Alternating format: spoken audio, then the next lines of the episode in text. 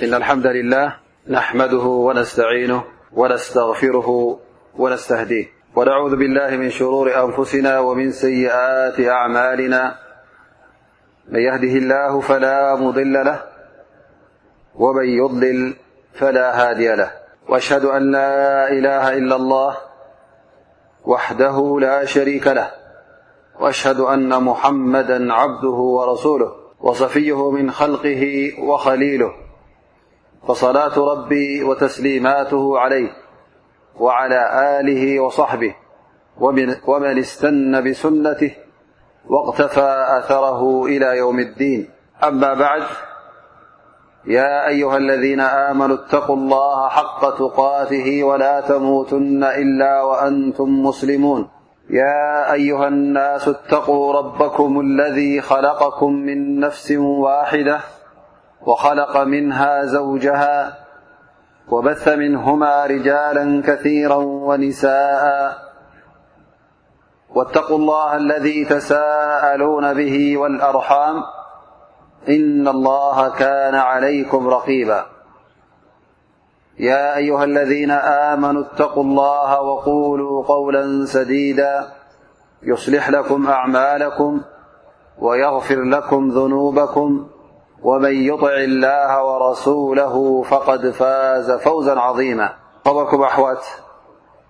السلام عليكم ورحمة الله وبركاته لوم إن شاء الله تعالى حدث سرة نجمرنا حلف سمن بفضل الله سبحانه وتعالى سورة يوسف ودنا لم النه بسورة الرعد حد شرا نات لنا مالت أعوذ بالله من الشن الريم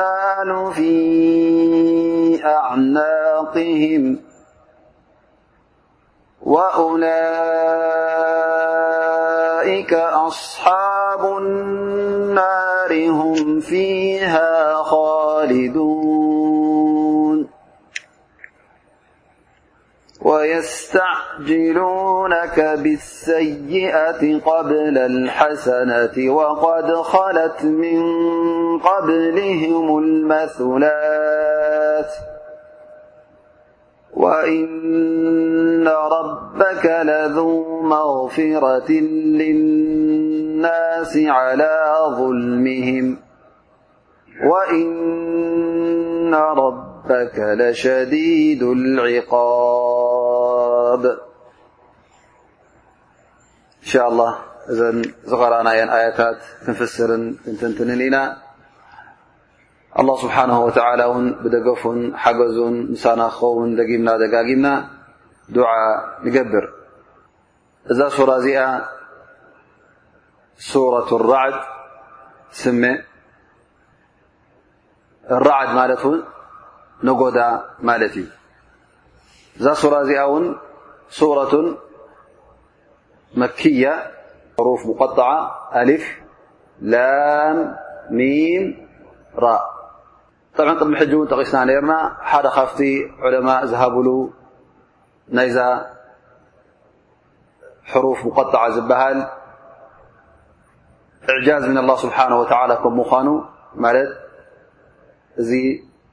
ቁርን እዚ እዚ ኣያታት እዚ እዚ ትሰምዕዎ ዘለኹም ቃል ጎይታ በቲ ትፈልጥዎ ቋንቋ በቲ ትፈልጥዎ ፊደላት እዩ ዝወርድ ዘሎ እሞ እዚ ክታብ እዚ እዚ ቃል ኣላ ስብሓን ወተዓላ በቲ ቋንቋኹምን በቲ ፊደላትኩምን እናወረዶ ከሎ ግን ንስኻትኩም ፈፂምኩም ከምኡ ዝመስል ቃል ከምኡ ዝመስል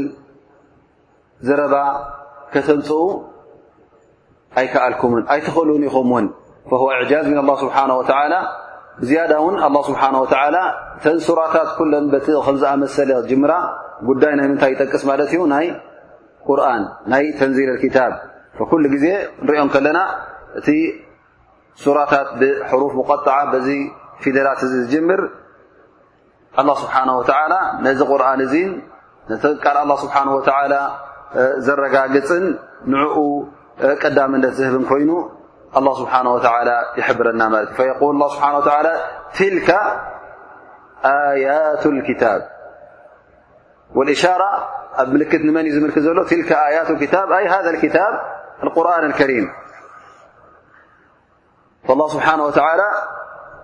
قال ي الله سبحانه وتعالى زور الت الله سبحانه وتعالى آيتت ي قرآن ي والذي أنزل إليك من ربك الحق يا محمد ኣንታ ልኡኽ ኣንታ ሙሓመድ ኣንታ ልኡኸይ እቲ ናባኻ ዝወረደ እውን ካብ ኣላህ ስብሓን ወተዓላ ካብ ጎይታኻ እዩ ወሪዱ እሱ እውን እዩ ትሓቂ ብጀክ ሓቂ የለን ትሒዝካዮ መፅእካ ዘለኻ እቲ ናባኻ ዝወረደ ንሱ እዩ ፍፁም ሓቂ ስለዚ ንዑ ዝፃረር ኩሉ እንታይ ይኸውን ማለት እዩ ባጥል ኮንቱ እዩ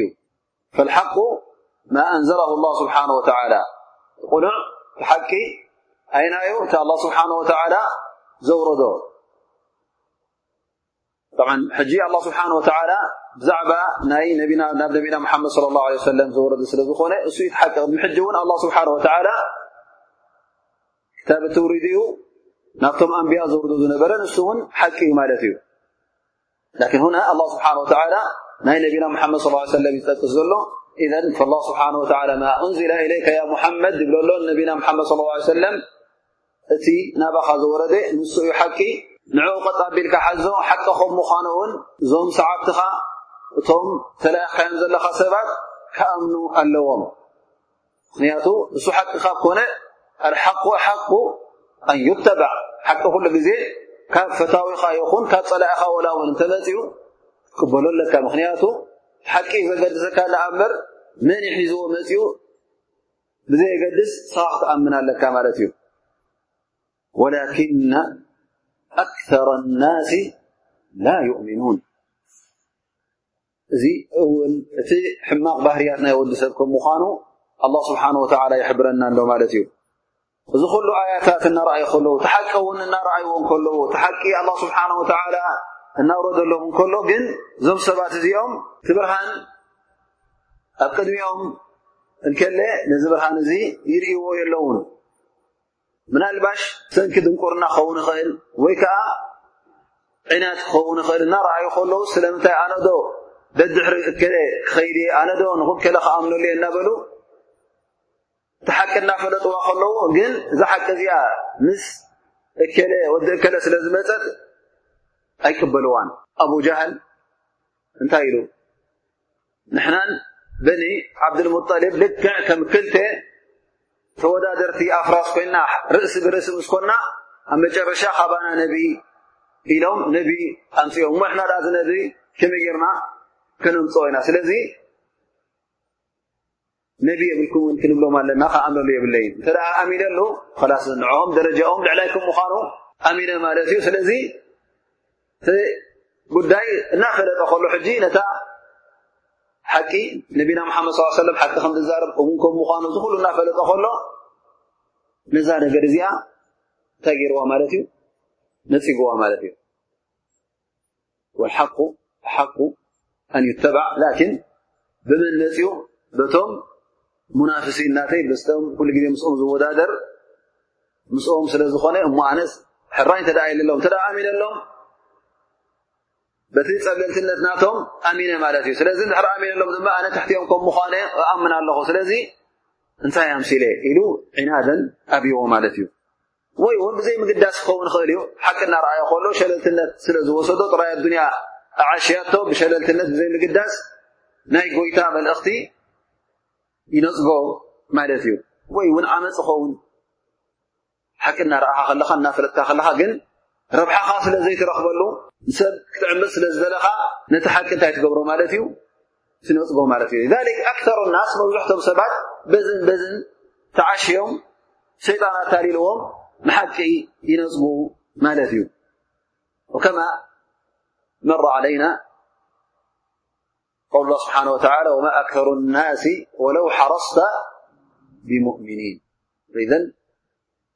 እቲ ጥፍኣት ኣብ ውሑዳት ሰባት ጥራይ ኣይኮነን ዝርከብ ኣብ ብዙሓት ሰባት ኣብ መብዝሕቶም ሰባት ስለ ዘሎ ንጠንቀቕ ማለት እዩ ኣላ ስብሓን ወተዓላ እዚ ኩሉ ምርትዑ እናውረዶ ከለውን ክ ብዙሓት ሰባት ከም ዘታለሉ እነሀ ይሕብረና ኣሎ ማለት እዩ ወላኪና ኣክተር ናሲ ላ ዩእምኑን ثመ የቁል ላ ስብሓን ወተላ ኣላሁ ለذ ረፈዐ ኣሰማዋት ብغይር ዓመድ ተረውነሃ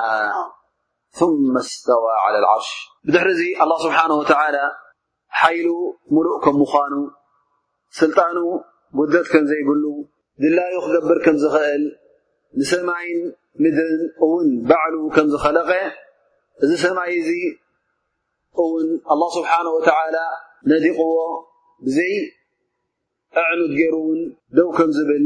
ገይርዎ ማለት እዩ እዚ ኩሉ ሕጂ እንታይ እዩ ዘርኢ ዘሎ ኣላ ስብሓን ወተላ ሓይሊ ናቱ ምስቲ ሓይሊ ናይ ፍጡራት ክራኸብ ከም ዘይኽእል ሓይሊ ኣላ ስብሓን ወተላ መፈፀምታን መደምደምታን ከም ዘይብሉ ሓይሊ ፍጡር እውን ውሱንን ትሑትን ከም ምዃኑ ኣላ ስብሓን ወተላ እናብርሀ እሞ ኸዓ እቲ ኣምልኾት እቲ ዕባዳ ንዕኡ ክወሃብ ከም ዘለዎ ንኸብርህ ኣላ ስብሓን ወተላ እነሀ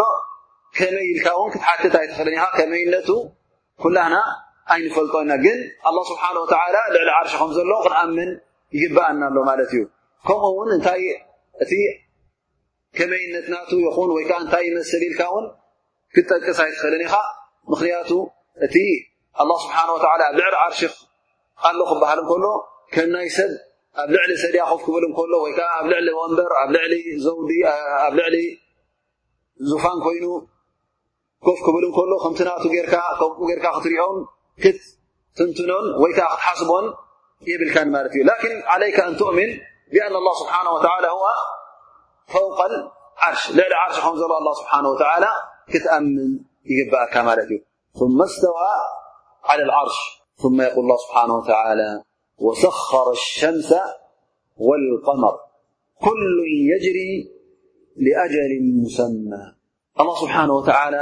እተን ክልተ ኣብ ጠፈር ኣብ ሃዋሁ ዝርከባ ንርኤን ማለት እዩ ብዓይንና ብዕብየተን ብምንቅስቃሰን ክንቀሳቀሳ ከለዋ ዝፍለጠና ማለት እዩ ብአን ኣላ ስብሓን ወተላ ነቲ ሓይልናቱ ምእንቲ ክንዕዘብ ብአን ገይሩ ይሕብረና ኣሎ ማለት እዩ ላ ስብሓን ወተላ ንሰማይን ንፀሓይን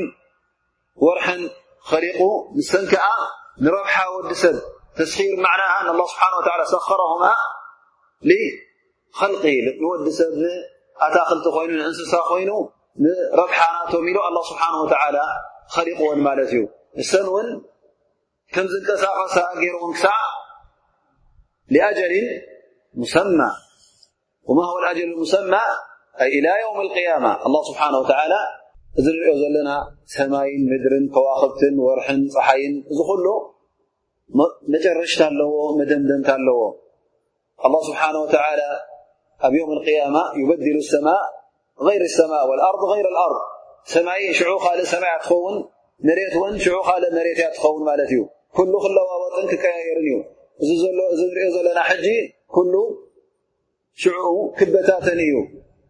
ኣኽራናት ይኹን ሰማያት ይኹን ከዋኽብቲ ይኹን ብብዓይነቱ ፍጡር ዘሎ ኩሉ ክለዋወጥ ከም ምዃኑ ኣላ ስብሓን ወተላ ሓቢሩና እዩ ላኪን ክሳዕ ዮም ኣልቅያማ ኣላ ስብሓን ወተላ ተኸሊቕዎ ዘሎ ቀፃሊ ከም ምዃኑ ክንቀሳቐስ ከም ምዃኑ ወሰኸረ ሸምሰ ወልቀመር ክልትኤን ፀሓይን ወርሕን ኩሉን የጅሪ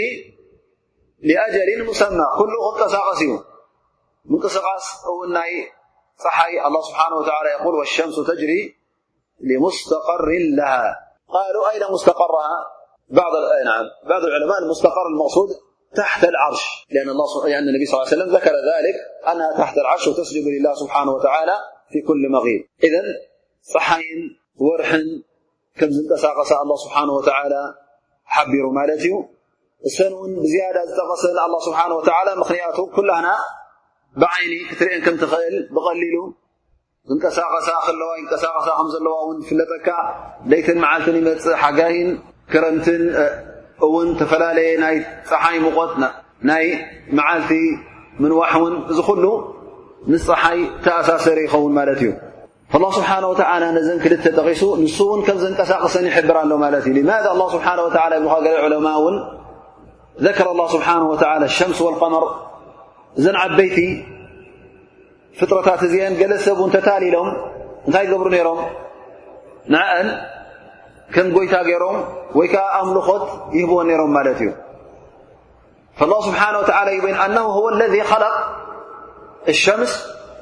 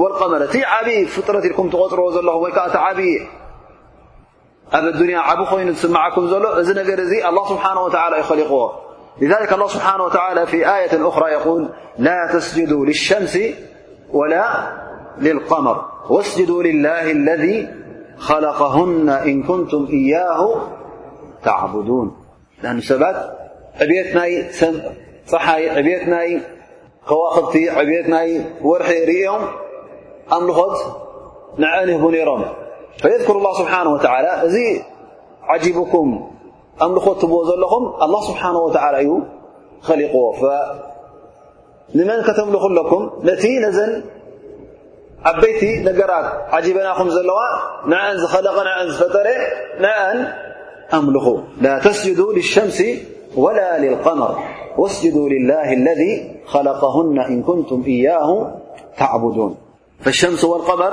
من زنتساقصه والنجوم كل الله سبحانه وتعالى لذلك قول الله سبحانه وتعالى والشمس والقمر والنجوم مسخرات بأمره ز م غ ز الله سبحانه وتعالى حي ورح كل وبت الله سبانه وى ألا له الخر والأمر እሱይ ፈጣሪ እሱይ እውን ኣዛዚ ድላዩ ዝገብር ፈየእምሩ መክሉቃት ሰዋእ ካን ጀማድ ኣው ካነ ሓየዋን ህይወት ዘለዎ ይኹን ህይወት ዘይብሉ ኣላ ስብሓን ወተዓላ ዝኣዘዞ ዩ ክፍፅም ዘለዎ ይገዛእ ርሱ ወላ ውንቲ ጀማድ ዝበሃል ኣግራብ ይኹን ወላ ውን ከዋኽብቲ ትእዛዝ መን እዩ ዝንቀሳቀስ ዘሎ ትእዛዝ ኣላ ስብሓን ወተዓላ ወዲ ሰብ ግን ኣላህ ስብሓን ወተዓላ ዝኣዘዞ እምቢታ የርኢ ማለት እዩ እቲ እምንን ገረብን እውን እቲ እንስሳን እውን ዝሕሸሉ እዋ ንመፅ ማለት እዩ ምክንያቱ ሕራይሉ ስለ ንጎይታ ኣላ ስብሓን ወተላ ዝምእዘዝ ዩደብሩ ኣምር እዘን ኣላ ስብሓን ወተዓላ ኣብ ልዕሊ ሰማያት ኣብ ልዕሊ ዓርሹ ኮይኑ ነዚ ሰማያትን ጸሓይን ወርሕን ከዋኽብትን ኩሉ ባዕሉ እዩ ዘንቀሳቕሶ ከም ድላይ ዩ ገብሮ ኣላه ስብሓን ወተላ ዩደብሩ ኣምር የርዝቁ መን የሻእ ኣብ ልዕሊ ሰማያት ኮይኑ ከም ድላዩ ሽሻ ይህብ ይርዝቕ ይኸልቕ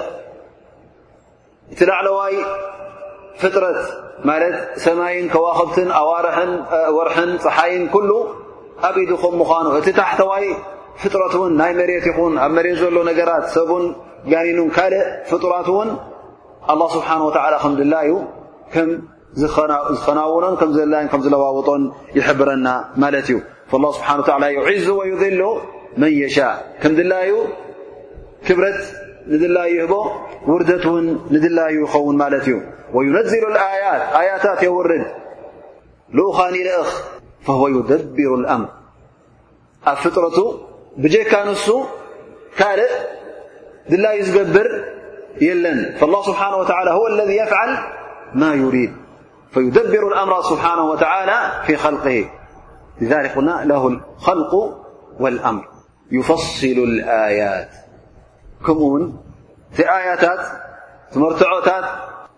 እዚ መርትዖ እዚ ቃላዊ መርትዖ ይኹን ወይ ውን ህላዊ ትሑዝ ጭብጢ ይኹን ኣላه ስብሓን ወተላ ኩሉ ተንቲኑ ንሕና ከም እንርድኦ ንና ከም እንጥቆመሉ ገይሩ ኣውሪዱልና ማለት እዩ ፈሲሉ ኣያት ኩሉ ኣያት እቲ ኣያታት ናብ ልኡኻን ዝወርድ ኣላ ስብሓን ወተዓላ ተንቲኑልና ኣረዲኡና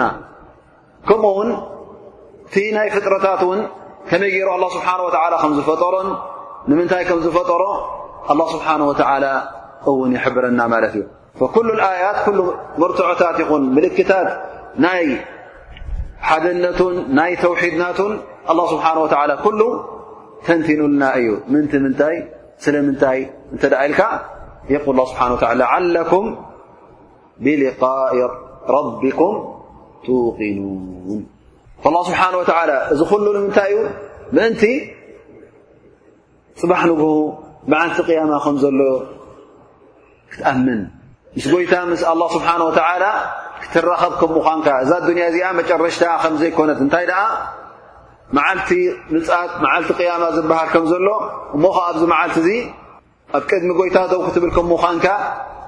ብሓቂ ንኽትኣምን ወልየቂን ኣዕላ መራትብ ልኢማን እቲ የቒን ዝበሃል ንገዛ ርእሱ ዝለዓለ ናይ እምነት ስምዒት ይኸውን ማለት እዩ ስለዚ ኣብቲ ናይ የቒን ናይ እምነት ናይ ሓያል እምነት ንኽትበፅሕ ኣላ ስብሓን ወተዓላ ኸም ዝኣመሰለ በዚ ኣያታት እዙ እነሀ የረዳእካ ኣሎ ማለት እዩ ኣን ቐድየተ ተቐንዲ ጉዳይ ሙሽሪኪን ተገርሞም ዝነበረት ሕጂ እውን ክትመፀና እያ ግዳይ ናይ ምንታይ ነይሩ ማለት እዩ ጉዳይ ናይ መዓልቲ ቅያማ ፅባሕ ንግሆ ሕሳብ ከም ዘሎ ቅያማ ከም ዘሎ እዚ ነገር እዚ ይነፅግዎ እዮም ነይሮም ላ ስብሓን ወተላ ብሃذ ኣያት በዚ ከምዝኣመሰለ ኣያታት በዚ ከምዝኣመሰለ መርትዖታት ፅባሕ ንግሆ ትንሳኣ ከም ዘሎ ሜትካ ሓመት ኮይንካ ጥራይ ኮንካ ትተርፍ እንታይ ደኣ ኣላ ስብሓን ወተላ ካብዚ ሞት እዚ ከም ዘተንስኣካን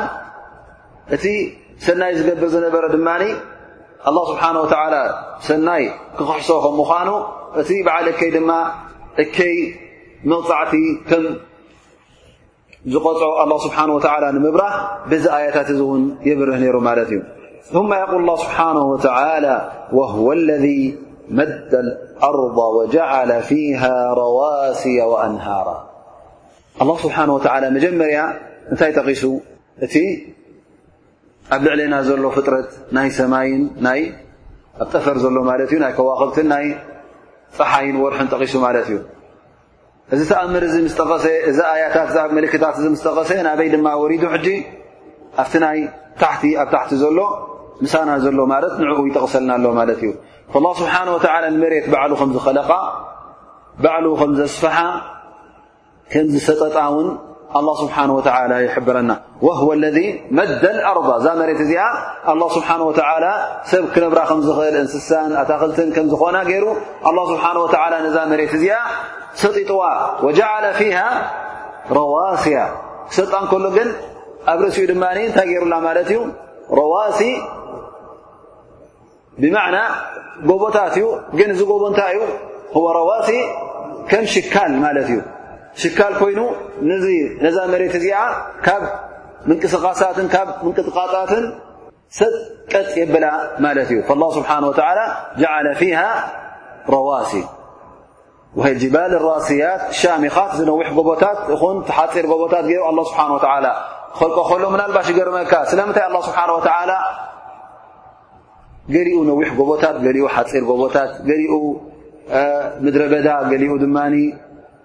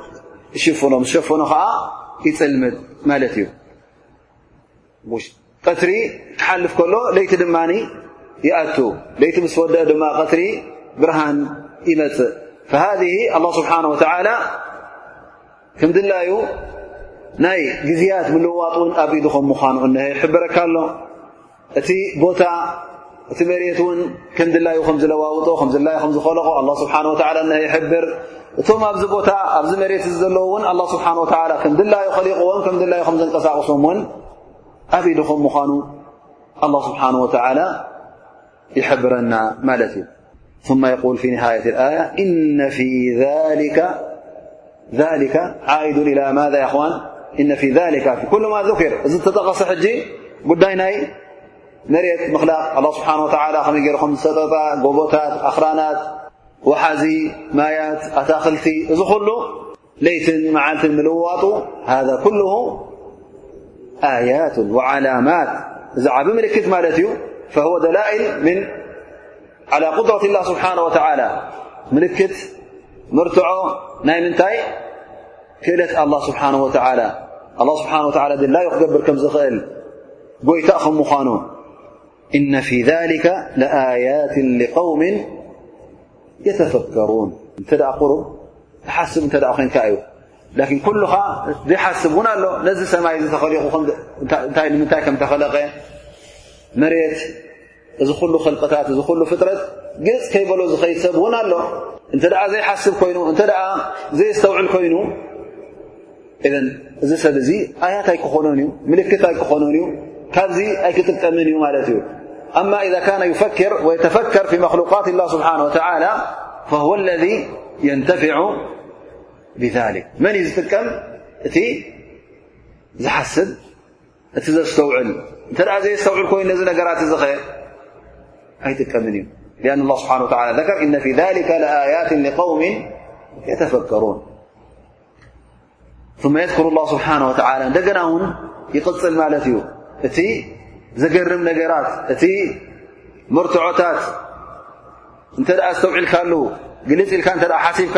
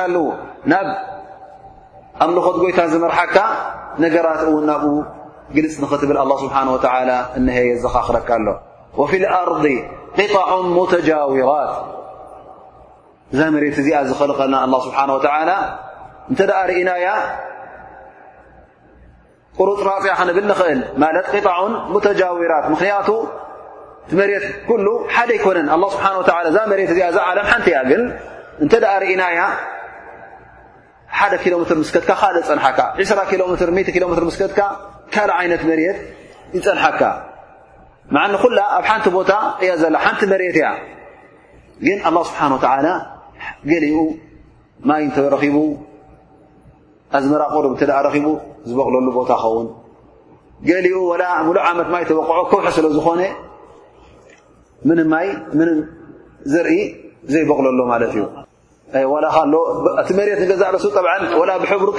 ብሕብሩ ተፈላለየ ቀይሕ ኣሎ ቀይሕ መሬት ኣሎ ጸሊም መሬት ኣሎ ሑፃ ኣሎ እእማን ዝበልኦ ኣሎ እዚ ኩሉ ተፈላለየ እዩ ኣብ ርእሲኡ እውን ከምቲ ዝበሎ እውን ኣሽማት እውን በብ ዓይነቱ መሬት ኣሎ ላ ኣሎ ናይ ሃገረሰብ ብዙሕ ኣስማት ኣለዎ ንና ይፈልጦ ኢና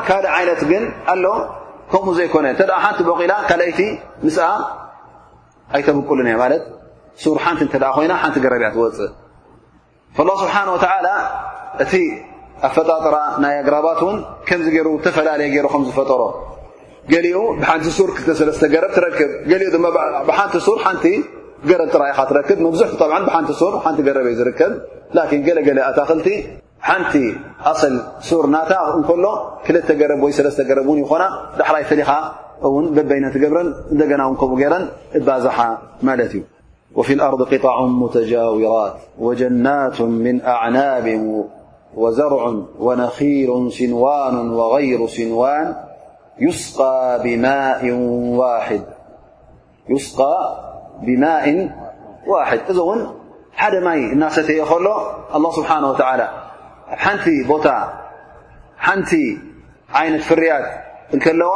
ኣላ ስብሓን ወተዓላ ንገሊኡ ምቁር ገብሎ ንገሊኡ ኸዓ መሪር ንገሊኡ መፂፅ ንገሊኡ ጎምዳድ ንገሊኡ በብ ዓይነቱ መቐረዝ ዘለዎ ማለት እዩ ሓንቲ ማይ ዝሰቲ ዘሎ እቲ ማይ ናቱ ኩሉ ትርኣ ጨው ኮይኑ ወይ ምቁር ኮይኑ እቲ ማይ ሓደ ዓይነት ማይ እናሰተየ ከሎ ኣብ ሓንቲ መሬት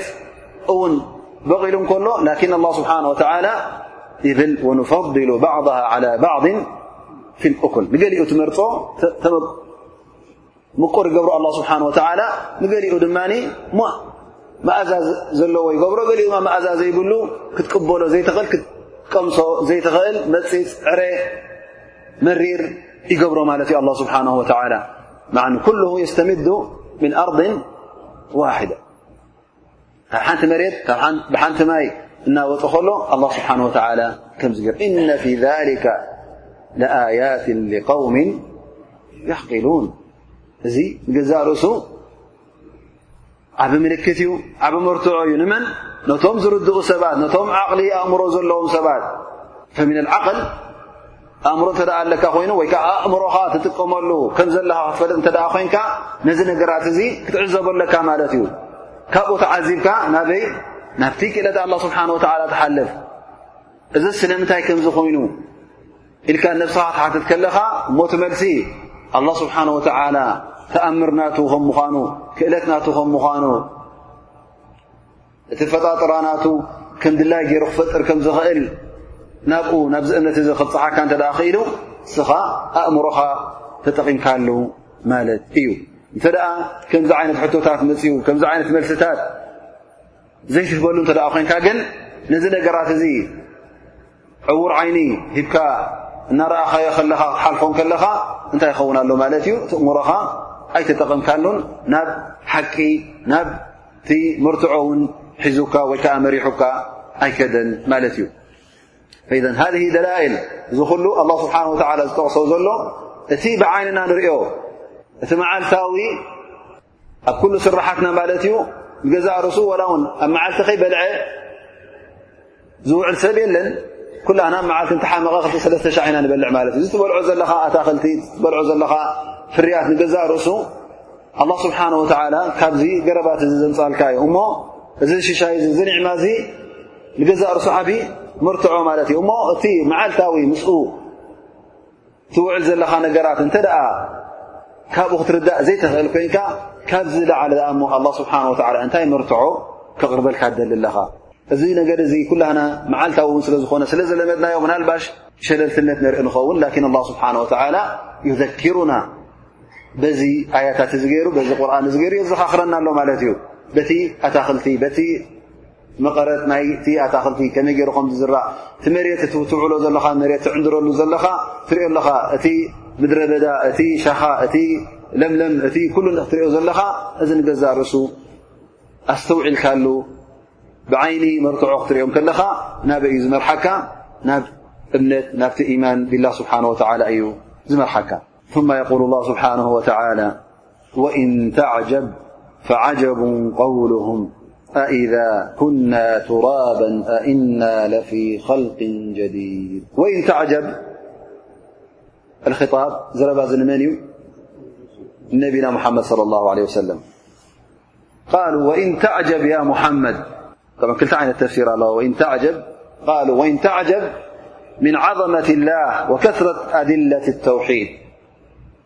ያ ሙሓመድ እቲ ኣላ ስብሓን ወተዓላ ዘውረዶ ወይ ከዓ ዘርእዮ ዘሎ መርትዖታት ናይ ተውሒድ ክብሪ ናይ ኣላ ዕብት ኣላ ስብሓን ወተዓላ እንተ ደኣ እስኻ ብኡ ትግረም ኣለኻ ኮንካ እቲ ዓብ ዘገርም ነገር እቶም ክሓቲ ዝበልዎ እዩ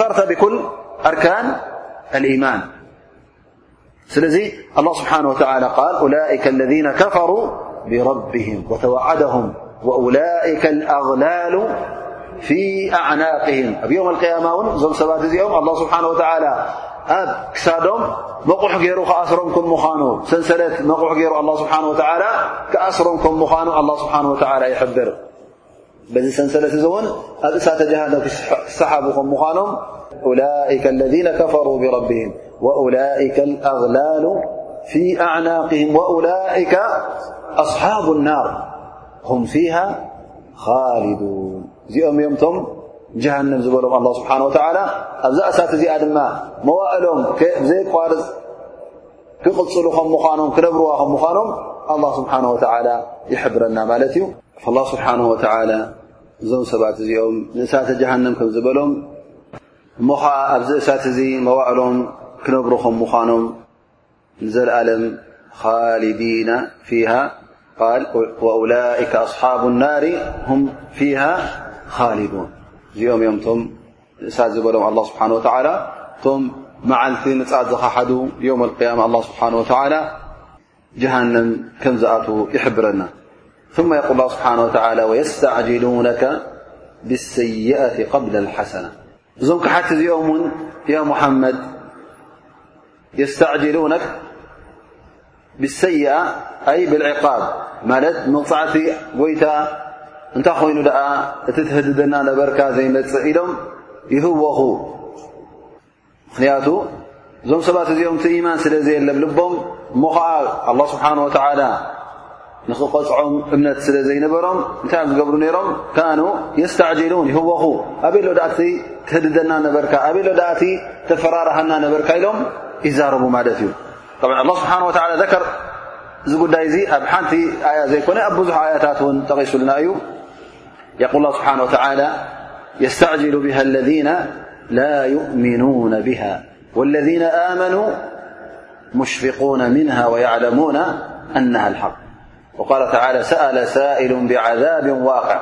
أبله معاس انبلو كل جزي نبنا محمد صلى الله عليه وسلم يحتون يرم ملت ي وإذ قالو اللهم إن كان هذا هو الحق من عندك فأمطر علينا حجارة من السماء إذ እዞم ست እኦم تعذب كور ك موعت ክورم يهو رم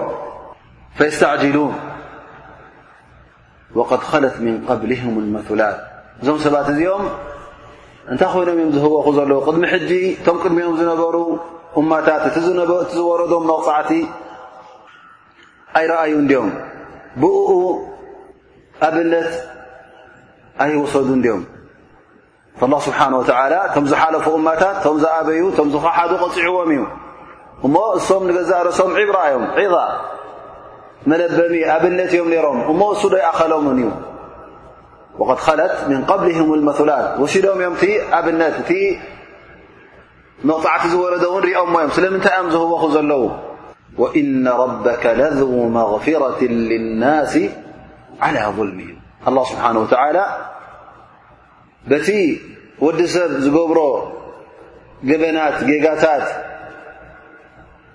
ተሃዊኹ ይቐጽዕ ነይሩ ተዝኸውን ሓደ ሰብ ኣይምገደፈን ነይሩ ላኪን ኣላ ስብሓን ወተዓላ ኩሉ ግዜ ራሕማናቱ ሰፊሕ ስለ ዝኾነ ኣብቲ ናይ መቕፊራ ጉዳይ ናብኡ ዩ ኣላ ስብሓን ወተዓላ ዕድል ዝበካ ወእነ ረበከ ለዙ መቕፊረት ልናሲ ዓላ ظልምህም እዚ ኹሉ ዓመት እዚ ኹሉ ሽርክ እዚ ኹሉ ጌጋ ፈፂሞም እንከለዉ ኣላ ስብሓን ወተዓላ ግዜ ይህቦም እቲ ናይ መቕፊራን እቲ ናይ ራሕማን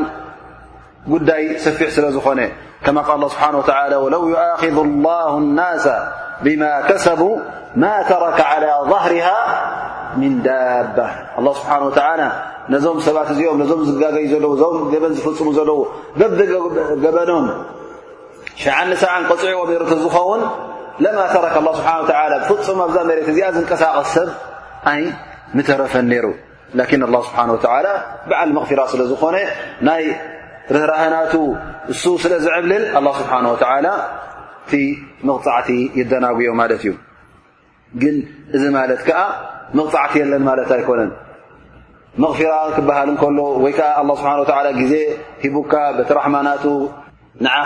عد الكبركان كله يعكان مالت كن لذلك الله سبحانه وتعالى يختم هذه الآية معن آيتها وإن ربك لشديد العقاب ن الله سبحانه وتعالى قع كله مغطعت حيا المغطعت وزكاء لمغطعت أيكن إن ربك لسريع العقاب وإنه لغفور رحيم نبئ عبادي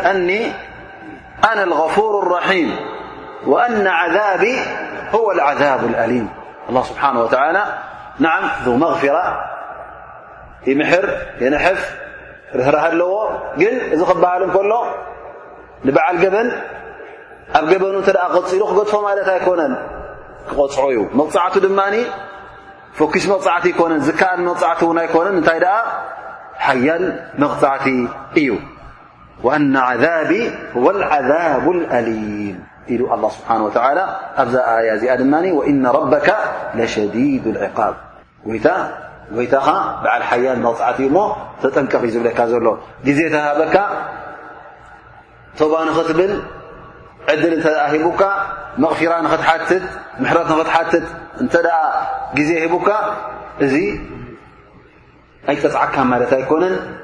እዚ ኣላ ስብሓን ወተላ መቕፃዕቱ ወይ ከዓ ንዓኻ ረሲዑ እቲ ዝግባእ መቕፃዕቲ የለን ማለት ኣይኮነን እንታይ ደኣ ኣላ ስብሓን ወተላ እቲ ናቱ ራሕማን እቲ ናቱ ርህራህን ንኽትርዳእ እዩ ኣላ ስብሓን ወተላ ከምዚ ገይሩ ግዜ ዝበካ ዘሎ ግን ተጠንቅቕ እንተ ደኣ ግዜ ሓሊፉካ ክትቅፃዕ ኢኻ በቲ ሓያል መቕፃዕቲ ኢሉ ኣላ ስብሓን ወተላ ነዛ ናይ ሎም መዓልቲ ዝወሰድናየን ኣያታት በዚ ይድምደም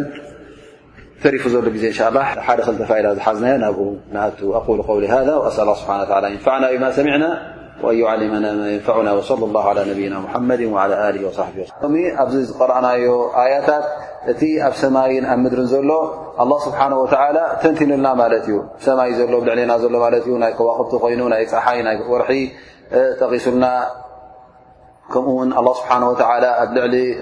ዓርሹ ከም ዘሎ እዚ ኩሉ ጠቒሱ ናይ መሬት እውን ኣብ መሬት ዝርከብ በቢ ዓይነቱ መሬታት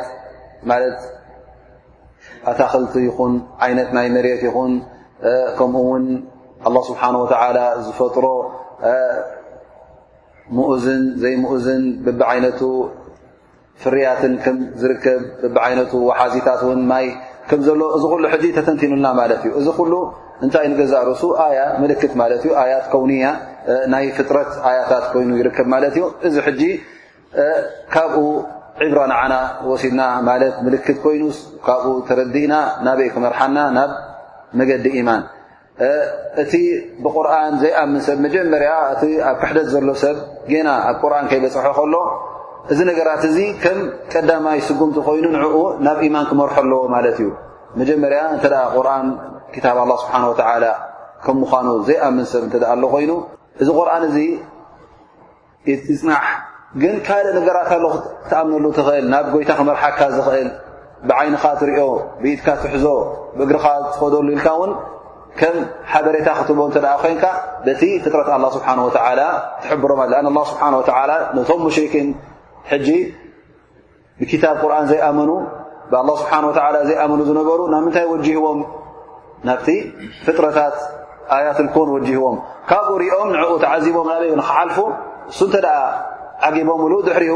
እቲ ቁርን ፃውዒ ዝቦ ዘሎ ልክዕ ምስ ምስቲ ናይ ኮን ኩሉ ዝተኣሳሰረ ከም ምኳኑ ተረዲኦም ናብ ኢማን ይኣትዉ ማለት እዩ ሳለሰይቲ ፋይዳ ዝጠቐሳ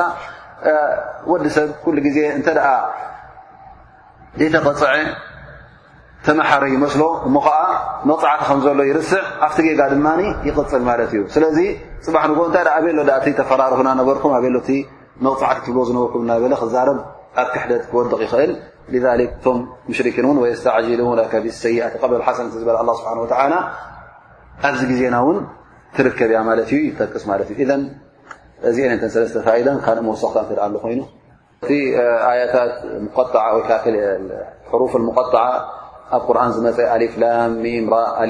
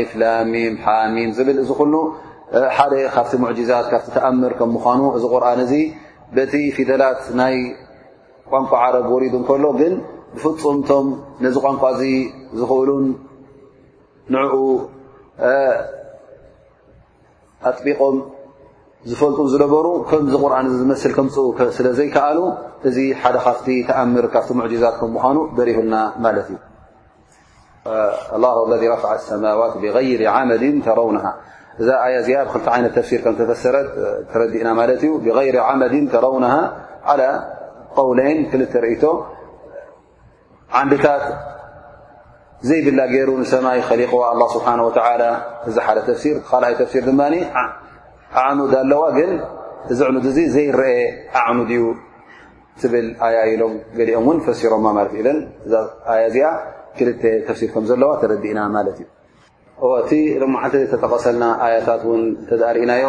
ምናልባሽ እቲ ኣብ ከተማ ዘሎ ሰብ ወይ ከዓ ዝነብር ሰብ ክዝተውዕለሉ ምናልባሽ ዘይክእል ኸውን ላኪን እቲ ኣብ ዓዲ ወይ ከዓ ኣብ ሃገረሰብ ዝዓበየ ኣብ ዘራእቲ ዝዓበየ ኩላህና ከምዝንፈልጦ ይብል ብሓንቲ ማይ እናሰተየ ከሎ ኣብ ሓንቲ ግራት እውን እዛ ግራት እዚኣ ፍርቃ እንተ ርኢኻ እቲ ዝበቑላን እታ ፍርቃን በበይነን ከም ዝኾነ እቲ መሬት ስለ ዝፈላለ ኣላ ስብሓን ወተዓላ ንክልትኤን ወይ ከዓ ክልተ ጥቓንጥቓን ዘለዋ ግራት ዝበቁል እኽልን ዝበቁል ፍርያትን ኣብ መጨረሻ ኣብ መቐረቱ ኣብ መልክዑ ኣብ ረብሓ ኣብ ጥቕምናቱ እተ ርኢኻ ኣብ ትምህርቲ ኣብቲ ብዝሕናቱ ዝተፈላለየ ገይሩ ኣላ ስብሓን ወተላ ይኸልቆን የብቁሎን ማለት እዩ እዘን እዚ ንገዛ ርእሱ እቲ ብቐረባ ክንሪኦ ብዓይንና ብሩክ ዝኾነ ነገር ይኸውን ማለት እዩ ኢሉ ጠቕሰልና ማለት እዩ እዚ ሓደ ፋይዳ ዝሓዝና የሎም መዓልቲ ይኸውን ን ኣላ ስብሓን ወተላ እዚ ቁርን እዚ ሓቂ ከም ምዃኑ ጠቒሱልና ኣላ ስብሓን ወተላ ናብ ነቢና ሓመድ ለ ላ ለ ሰለም ዝወረደ ቁርን ሓቂ ከም ምዃኑ ላኪን ንኣክተር ናስ ላ ይእምኑን መብዝሕቲ ሰብ ግን ነዚ ሓቂ እዙ ከም ዘይኣምነሉ ከም ዝኽሕደሉ እውን ይረአ ኣሎ ማለት እዩ እዚ እውን ጠንቅናቱ ምናልባሽ ድንቁርና ብሰንኪ ጅሁል ይኸውን ወይ ብሰንኪ ዒናድ ጥፍኣት ወይ እውን ብዘይምግዳስ ብዘይምስትውዓል ዝመፀ ነገር እዩ እሞኒ ስለዚ ካብ